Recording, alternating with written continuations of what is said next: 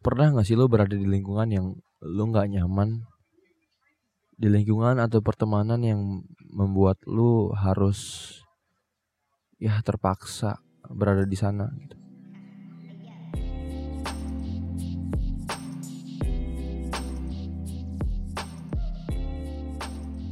Assalamualaikum warahmatullahi wabarakatuh. Shalom, Ham Swastiastu. Nambah budaya, Pe. Aduh, gila. Di TSP, cuy. Episode ke berapa ini? Ada 5 ya. Ya, dan dengan energi yang kurang semangat karena kali ini mungkin bahasannya serius ya. Jadi Uh, dan gue juga belum nyiapin energi banyak untuk podcast ini karena gue mau ngomong serius aja anjay nggak nggak serius banget juga sih ter terbaper di bawah serius ada goblok jadi gini kali ini gue mau ngebahas yang namanya lingkungan yang toksik lingkungan yang toksik apa sih itu toksik sebelumnya mau gue mau jelasin dulu. Mungkin dari kalian udah pada tahu sih ya lu, lu semua udah pada tahu lah toksik itu apa sih.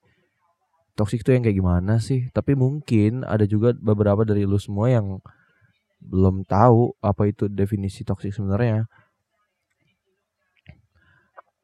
Toxic itu menurut gua itu adalah suatu um, hubung nggak nggak hubungan sih. Pokoknya toxic itu adalah artinya nggak sehat intinya lah. Toxic itu adalah nggak sehat intinya. Mau di relationship, mau di pertemanan, mau di lingkungan yang namanya toxic itu udah nggak sehat, beracun. Jadi itulah yang harus lu, lu pahamin gitu. Kita semua pahamin bahwa toxic itu artinya udah nggak sehat. Jadi ketika lu udah berada di satu lingkungan yang menurut lu lu udah dirugikan banget dan yang nggak ada untungnya berada di sana itu namanya toxic. Jadi lu cuma numpang duduk, cuma numpang e, nama doang di sana dan lu nggak ngapa-ngapain itu namanya udah toxic coy lu nggak bisa berkomunikasi sama teman-teman lu lu nggak bisa berkomunikasi sama yang uh, sekomunitas sama lu gitu gitulah itu namanya udah toxic parah karena ya lu nggak bisa berinteraksi gitu. Jadi itulah ciri-ciri toxic gimana gitu. Dan di sini gue mau ngasih tahu ya eh, cara mengatasi toxic uh, environment ah sorry toxic environment. Tulisannya itu environment ya. So itu adalah uh, lingkungan yang toxic gitu. Gimana sih cara ngatasinnya gitu? Kalau di sini ada dua pilihan ya. Gue gue bakal ngejabarin dua pilihan yaitu cari lingkungan alternatif yang lain. Kayak ketika lu nih udah di satu komunitas misalkan uh, nggak komunitas dah di di kelas aja misalkan. Lu contoh di kelas uh, contoh lu anak SMA uh, anak IPS 3 misalkan.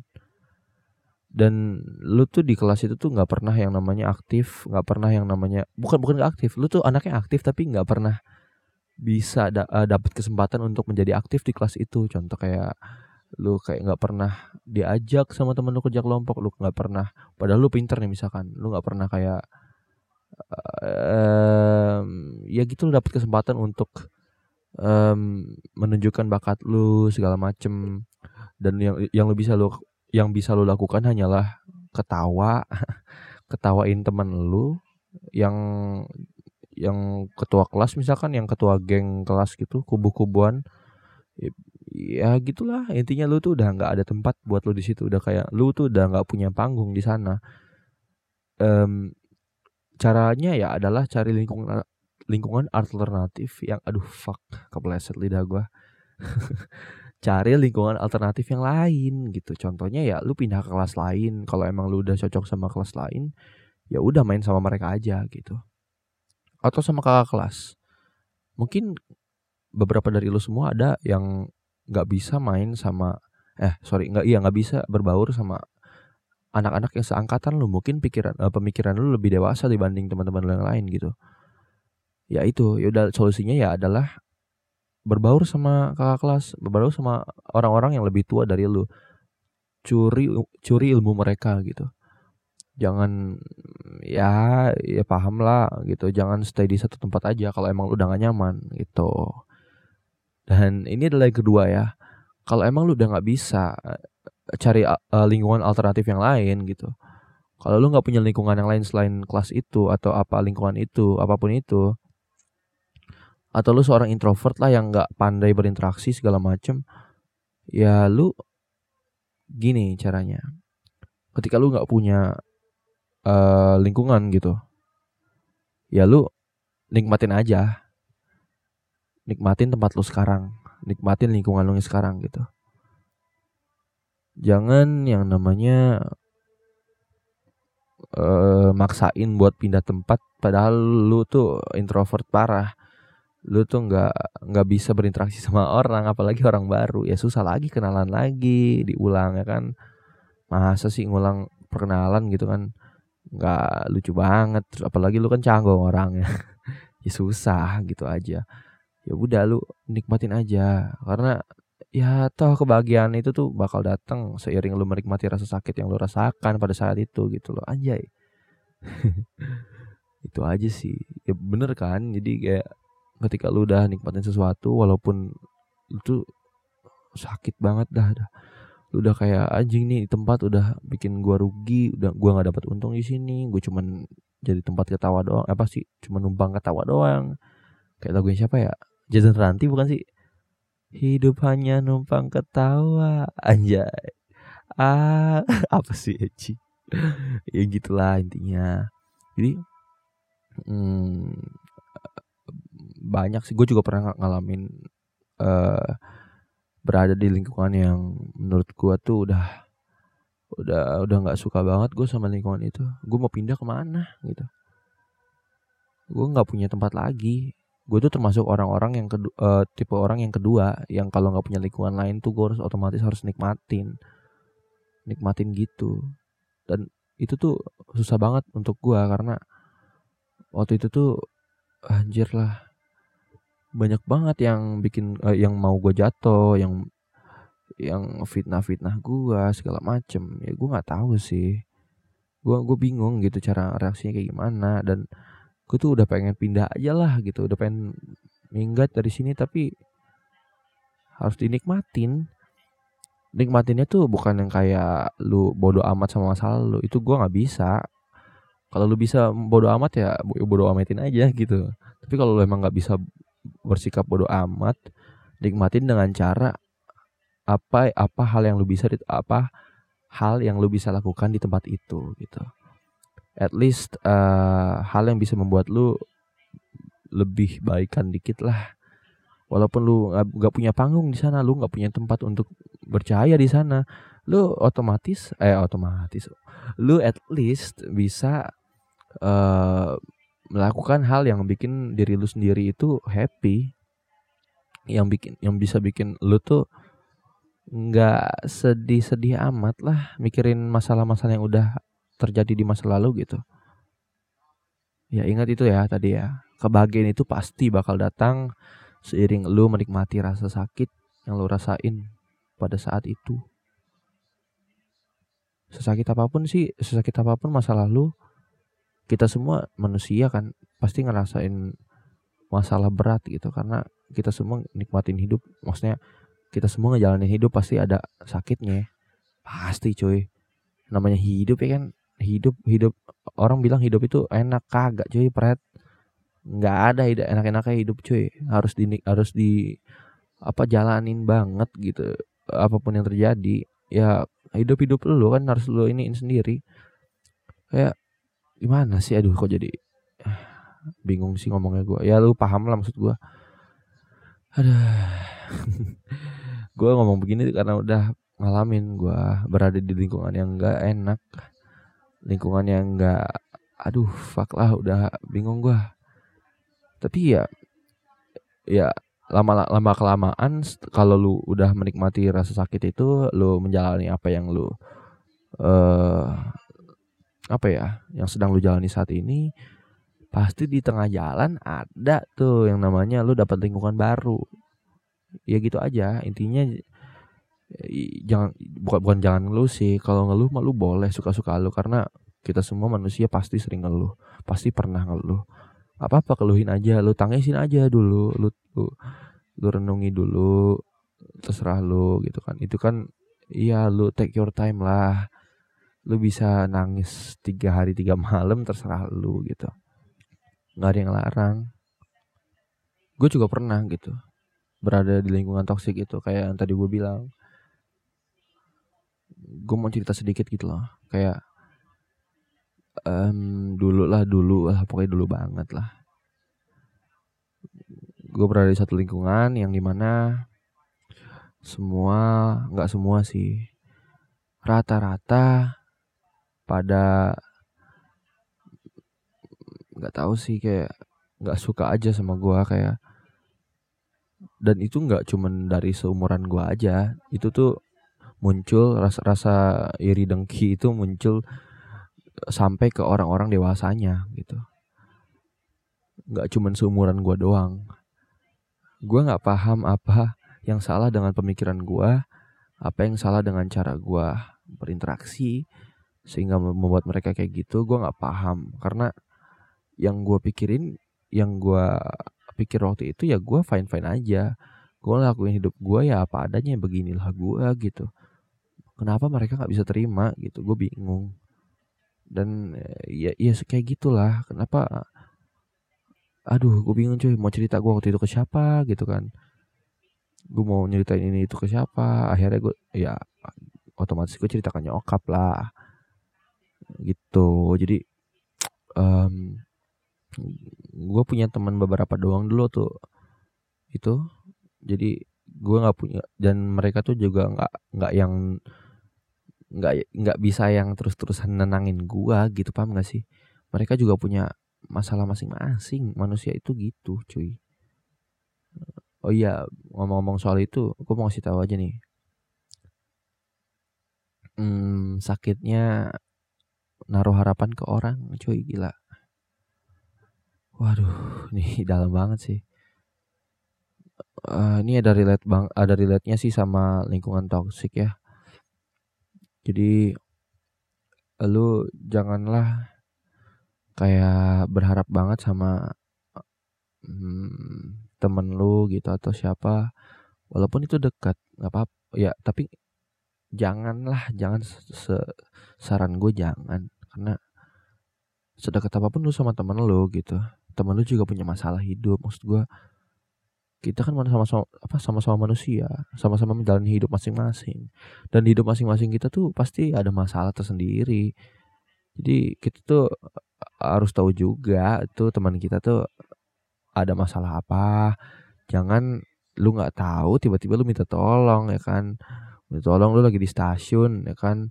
Stasiun ke rumah lu 800 meter uh, eh, 800 meter. Jadi dekat lah deket lah kalau naik grab mah ya kan. Terus teman lu tuh lu minta minta jemput teman lu. Bro jemput dong gue di stasiun nih. Karena ya dan stasiun lo sama rumah lu tuh deket ceritanya ya kan. Itu tuh bisa naik grab sebenarnya. Dan akhirnya lu telepon teman lu teman lu ternyata lagi di jalan lagi lagi baru mau baru mau apa baru mau arah pulang gitu. Dari dari kantor misalkan dari dari rapat dari sekolah dari mana dari kampus gitu kan. Nggak tahu Nah, dia baru mau jalan pulang dan kejebak macet. Contoh, lu Iya, lu tiba-tiba kan kesel nunggu. Nunggu tuh gak enak cuy, apalagi lu udah naruh harap dan naruh harapan ke orang yang yang sebenarnya tuh belum pasti bakal datang karena kan ya karena kan dia juga masih di jalan, masih apalagi kena macet. Otomatis lu nggak tahu dong temen lu ini kena macet apa enggak, lu teleponin diangkat lah tuh ngomong bro gue sorry gue nggak bisa nggak bisa tepat waktu nih kayaknya gue macet gini gini gini gini gini. Akhirnya lu kesel dong. Lu kesel dong nih orang gimana sih? Teman bukan sih? Gini gini gini gini. Ya padahal kan lu ya lu kan lu kan yang minta. Ya lu harus nunggu lah gitu. Itulah maksud gue bahayanya naruh harapan ke orang gitu. Kita nggak tahu apa yang terjadi. Kita nggak bisa terus terusan kayak wah ini teman gue nih ini cs gue nih gue gue ya gue harus harus inilah harus uh, minta tolong ke dia ya dia CS gue gini gini gini. Ya tapi nggak gitu juga cara kerjanya dong. Ya nggak gitu juga gitu. Itu tuh bahaya banget naruh uh, kepercayaan ke orang tuh kayak ya gitulah. Dan akhirnya lu sama teman lu tuh ribut gitu. Gara-gara hal kecil yang lu yang buat gitu itulah anjing emang susah hidup tuh susah. Oh iya btw dari dari yang kata lingkungan gue itu gue lupa cerita ini jadi dari yang kata gue bilang lingkungan gue yang toksik itu akhirnya gue tetap nikmatin gue tetap jalanin. Walaupun gue banyak eluh di jalan emang emang gue orangnya tipe ngeluh cuy. Sumpah lu ya lu bohong lah kalau misalnya lu nggak pernah ngeluh hidupnya pasti pernah ngeluh entah ngeluh sama Tuhan entah ngeluh sama nyokap sama bokap sama temen lu kayak. Siapa kayak tuh ngedumel sendiri gitu. Kalau gila. Kan kaki kejepit pintu kan anjing anjing anjing. Ngedumel sendiri goblok. Ada itulah intinya maksud gue uh, dari situ gue udah nikmatin kan gue walaupun gue banyak ngeluh gue baik sakit gue baik gue banyak nangis. Karena waktu itu tuh parah banget dah kondisinya udah kayak wah anjing gue udah kayak lemas udah nggak tahu harus ngapain. Udah bingung gue mau cerita ke siapa gue mau gue gue nggak punya tempat uh, tempat buat curhat gue nggak punya tem temen yang suportif suportif bukan sportif ya suportif. Jadi ya gue nggak punya lingkungan yang kayak gitu kan dulu. Gue iri banget sama orang-orang ya pengusaha-pengusaha muda yang udah bisa apa ya kerjasama sama temennya gitu. Gue tuh pengen kayak gitu dari dulu. Ya gitulah cuy. Intinya dan seiring itu tiba-tiba gue dapat uh, ah, panggilan ya alhamdulillah puji Tuhan lah ya. Dapat kayak panggilan gitu ke Jawa Timur untuk uh, eh Jawa Timur apa Jawa Tengah ya? Jawa Timur nggak salah itu ke, ke apa Kediri kalau kalau kalau tahu ya Kediri kampung Inggris. Ya jadi di situ gue uh, disuruh ngajar gitu. Ngajar bahasa Inggris. Yang kebetulan itu tuh kursusan bahasa Inggris itu tuh gue pernah belajar di situ. Dan mungkin ownernya itu ngelihat gue aktif ya kan. Banyak suka ngebacot pas jadi murid jadinya akhirnya ditarik dah tuh ya ditarik akhirnya ngajar. Dan di lingkungan itu men wah fuck parah banget. Itu enak banget cuy. Ketika lu diterima banyak orang itu aduh ya Allah ya Allah ya Allah ya Allah. Gue tuh ini banget sih suka banget ketika ketika ketika gua ketika ketika gua di caci maki gua dihujat-hujat sama orang gua di ludahin gua diomongin dari belakang gua ditusuk dari belakang gua ditendang-tendang sama orang mentalnya ya gue udah down banget ketika gue udah kayak begitu tiba-tiba ada panggilan yang langsung dari langit anjir ditarik gue ke Jawa. Dan di situ cuy ketika lu udah ngalamin sakit-sakit kayak gitu dan tiba-tiba lu langsung ditaruh di tempat yang welcoming banget itu tuh suatu keajaiban sih menurut gua. Gua bersyukur parah di situ tuh udah kayak ya mau menang lah cuy sumpah mau menang anjing kemarin waktu ke Jawa itu ke Diri. Ya lu gimana sih? Bayangin aja ketika lu tuh udah dapet eh, apa sih? Lu udah selama ini lu ngeluhin hal yang lu, udah parah banget lah menurut lu. Tiba-tiba besoknya atau beberapa bulan ke depannya lu dapat sesuatu yang opposite dari itu yang kebalikan dari apa yang lu rasakan gitu. Paham gak sih? Dan itu tuh rasanya wow gila cuy sedih udah gak sedih seneng gimana ya campur aduk kayak nano nano anjing. Ini kayak nano nano versi real life nya gitu. Rame rasanya cuy. Gue nggak tahu waktu dapat itu tuh pengumuman itu tuh waktu gue di DM eh, sama ketua eh, apa owner kursusannya itu gue nggak tahu mau ngapain lagi. Udah kayak percaya nggak percaya cuy? Ini ini bener nggak ya? Ini bener nggak ya? Mana gratis anjing gue kesono dibayarin kan ya kan suatu keajaiban gitu cuy. Gila ya kan. Uh, kebetulan juga waktu itu gue juga lagi nggak punya duit. Maksud gue ya udah udah mah gue nggak bayar ke sono terus gue digaji di sono. Ya, langsung ya gimana cuy? Di antara nangis sama seneng cuy. Gue tuh bingung. Akhirnya gue nangis sambil ketawa. Enggak lah bisa jadi sih kalau gitu. Bisa gak sih sebenarnya kalau nangis sambil ketawa? Ada ya ada orang kayak gitu ya. Tahu dah. Ya itu gitu sih. Gue campur aduk lah waktu itu rasanya tuh kayak wah anjir anjir. Bingung gitu. Bisa kayak gini ya. Keajaiban Tuhan tuh emang benar adanya gitu. Parah dah. Ya ya intinya bagi lu, lu, lu apa lu, lu semua yang ngalamin kayak gini tuh jangan nyerah lah. Ya gue bullshit. Sebenarnya ngomong gini sih gue juga pasti ketika gue bakal ada masalah ke depan gue bakal ngeluh lagi gue bakal apa lagi. Tetap ngeluh mah gue masih tetap ngeluh. Pasti masih tetap ngeluh. Orang bilang jangan ngeluh jangan ngeluh. Ya bullshit men. Ngeluh itu suatu seni coy. Seni mengeluh itu. Ya beneran dah.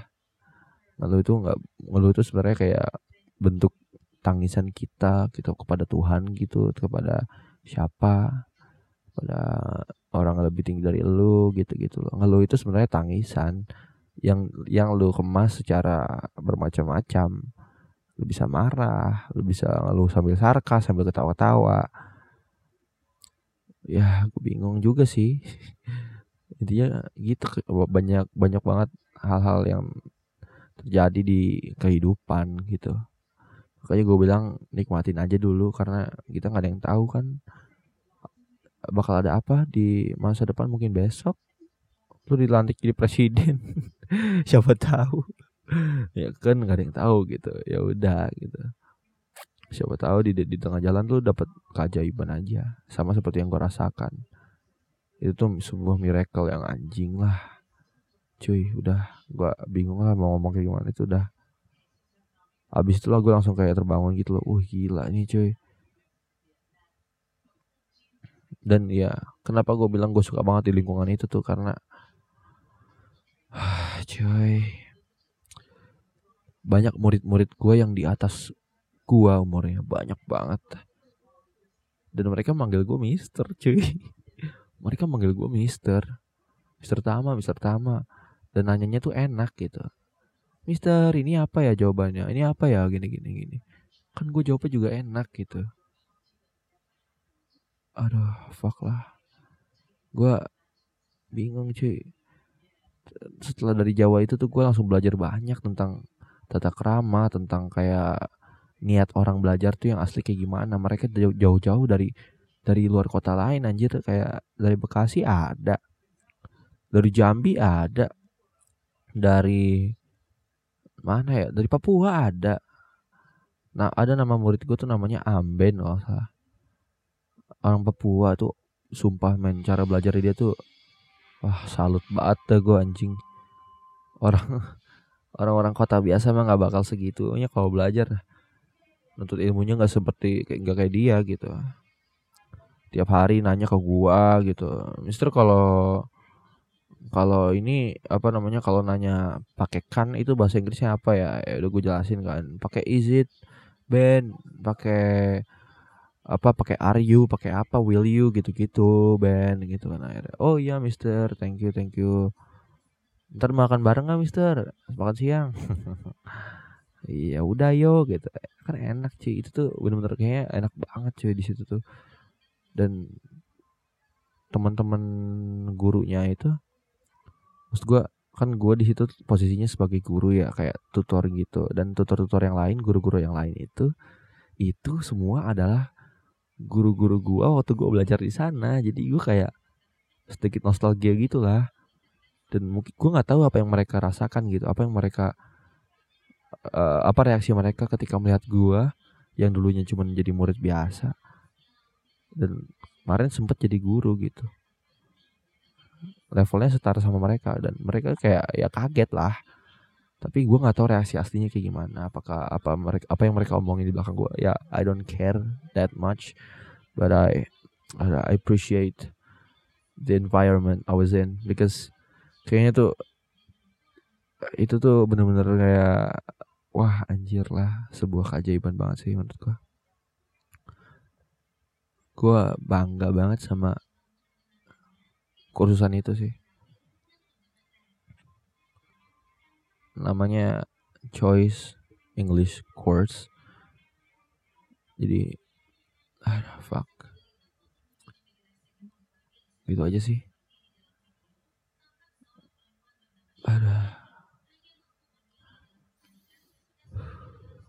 Sorry kalau ada kata-kata yang salah ada pengucapan yang keserempet eh kan? Kepleset. Jadi gue uh, emang lagi nggak enak badan juga sih lagi lagi nggak semangat juga nggak kayak sebelum sebelumnya karena kalau sebelum sebelumnya itu ngebahas itu ngebahas ngebahas kayak cewek lah ya model lah segala macem. Ya gitulah. Sekarang gue ngebahasnya lebih serius aja sih. Karena gue ngerasa tuh di di Indo tuh kalau kata gue tuh banyak banget sih lingkungan yang toksik lingkungan yang membuat lu nggak nyaman gitu. Jadi ya ingatlah itu. Di dalam hidup itulah pasti ya pasti ya ada rasa sakit gitu. Ada rasa sakit ada ketidaknyamanan dan ada pengalaman cringe pasti. Ya kita ini manusia gitu. Pasti pasti masih buat kesalahan. Nggak ada manusia yang perfect coy lo kira lo di robot yang udah diprogram se perfect mungkin yang tidak akan membuat kesalahan? Robot bisa membuat kesalahan tinggal di debugger eh apa tinggal di debug kode-kodenya tinggal di debug ulang. Manusia manusia masih bisa kes masih bisa nyesel coy. Manusia itu penuh dengan penyesalan. Ketika robot tuh udah bodoh amat salah.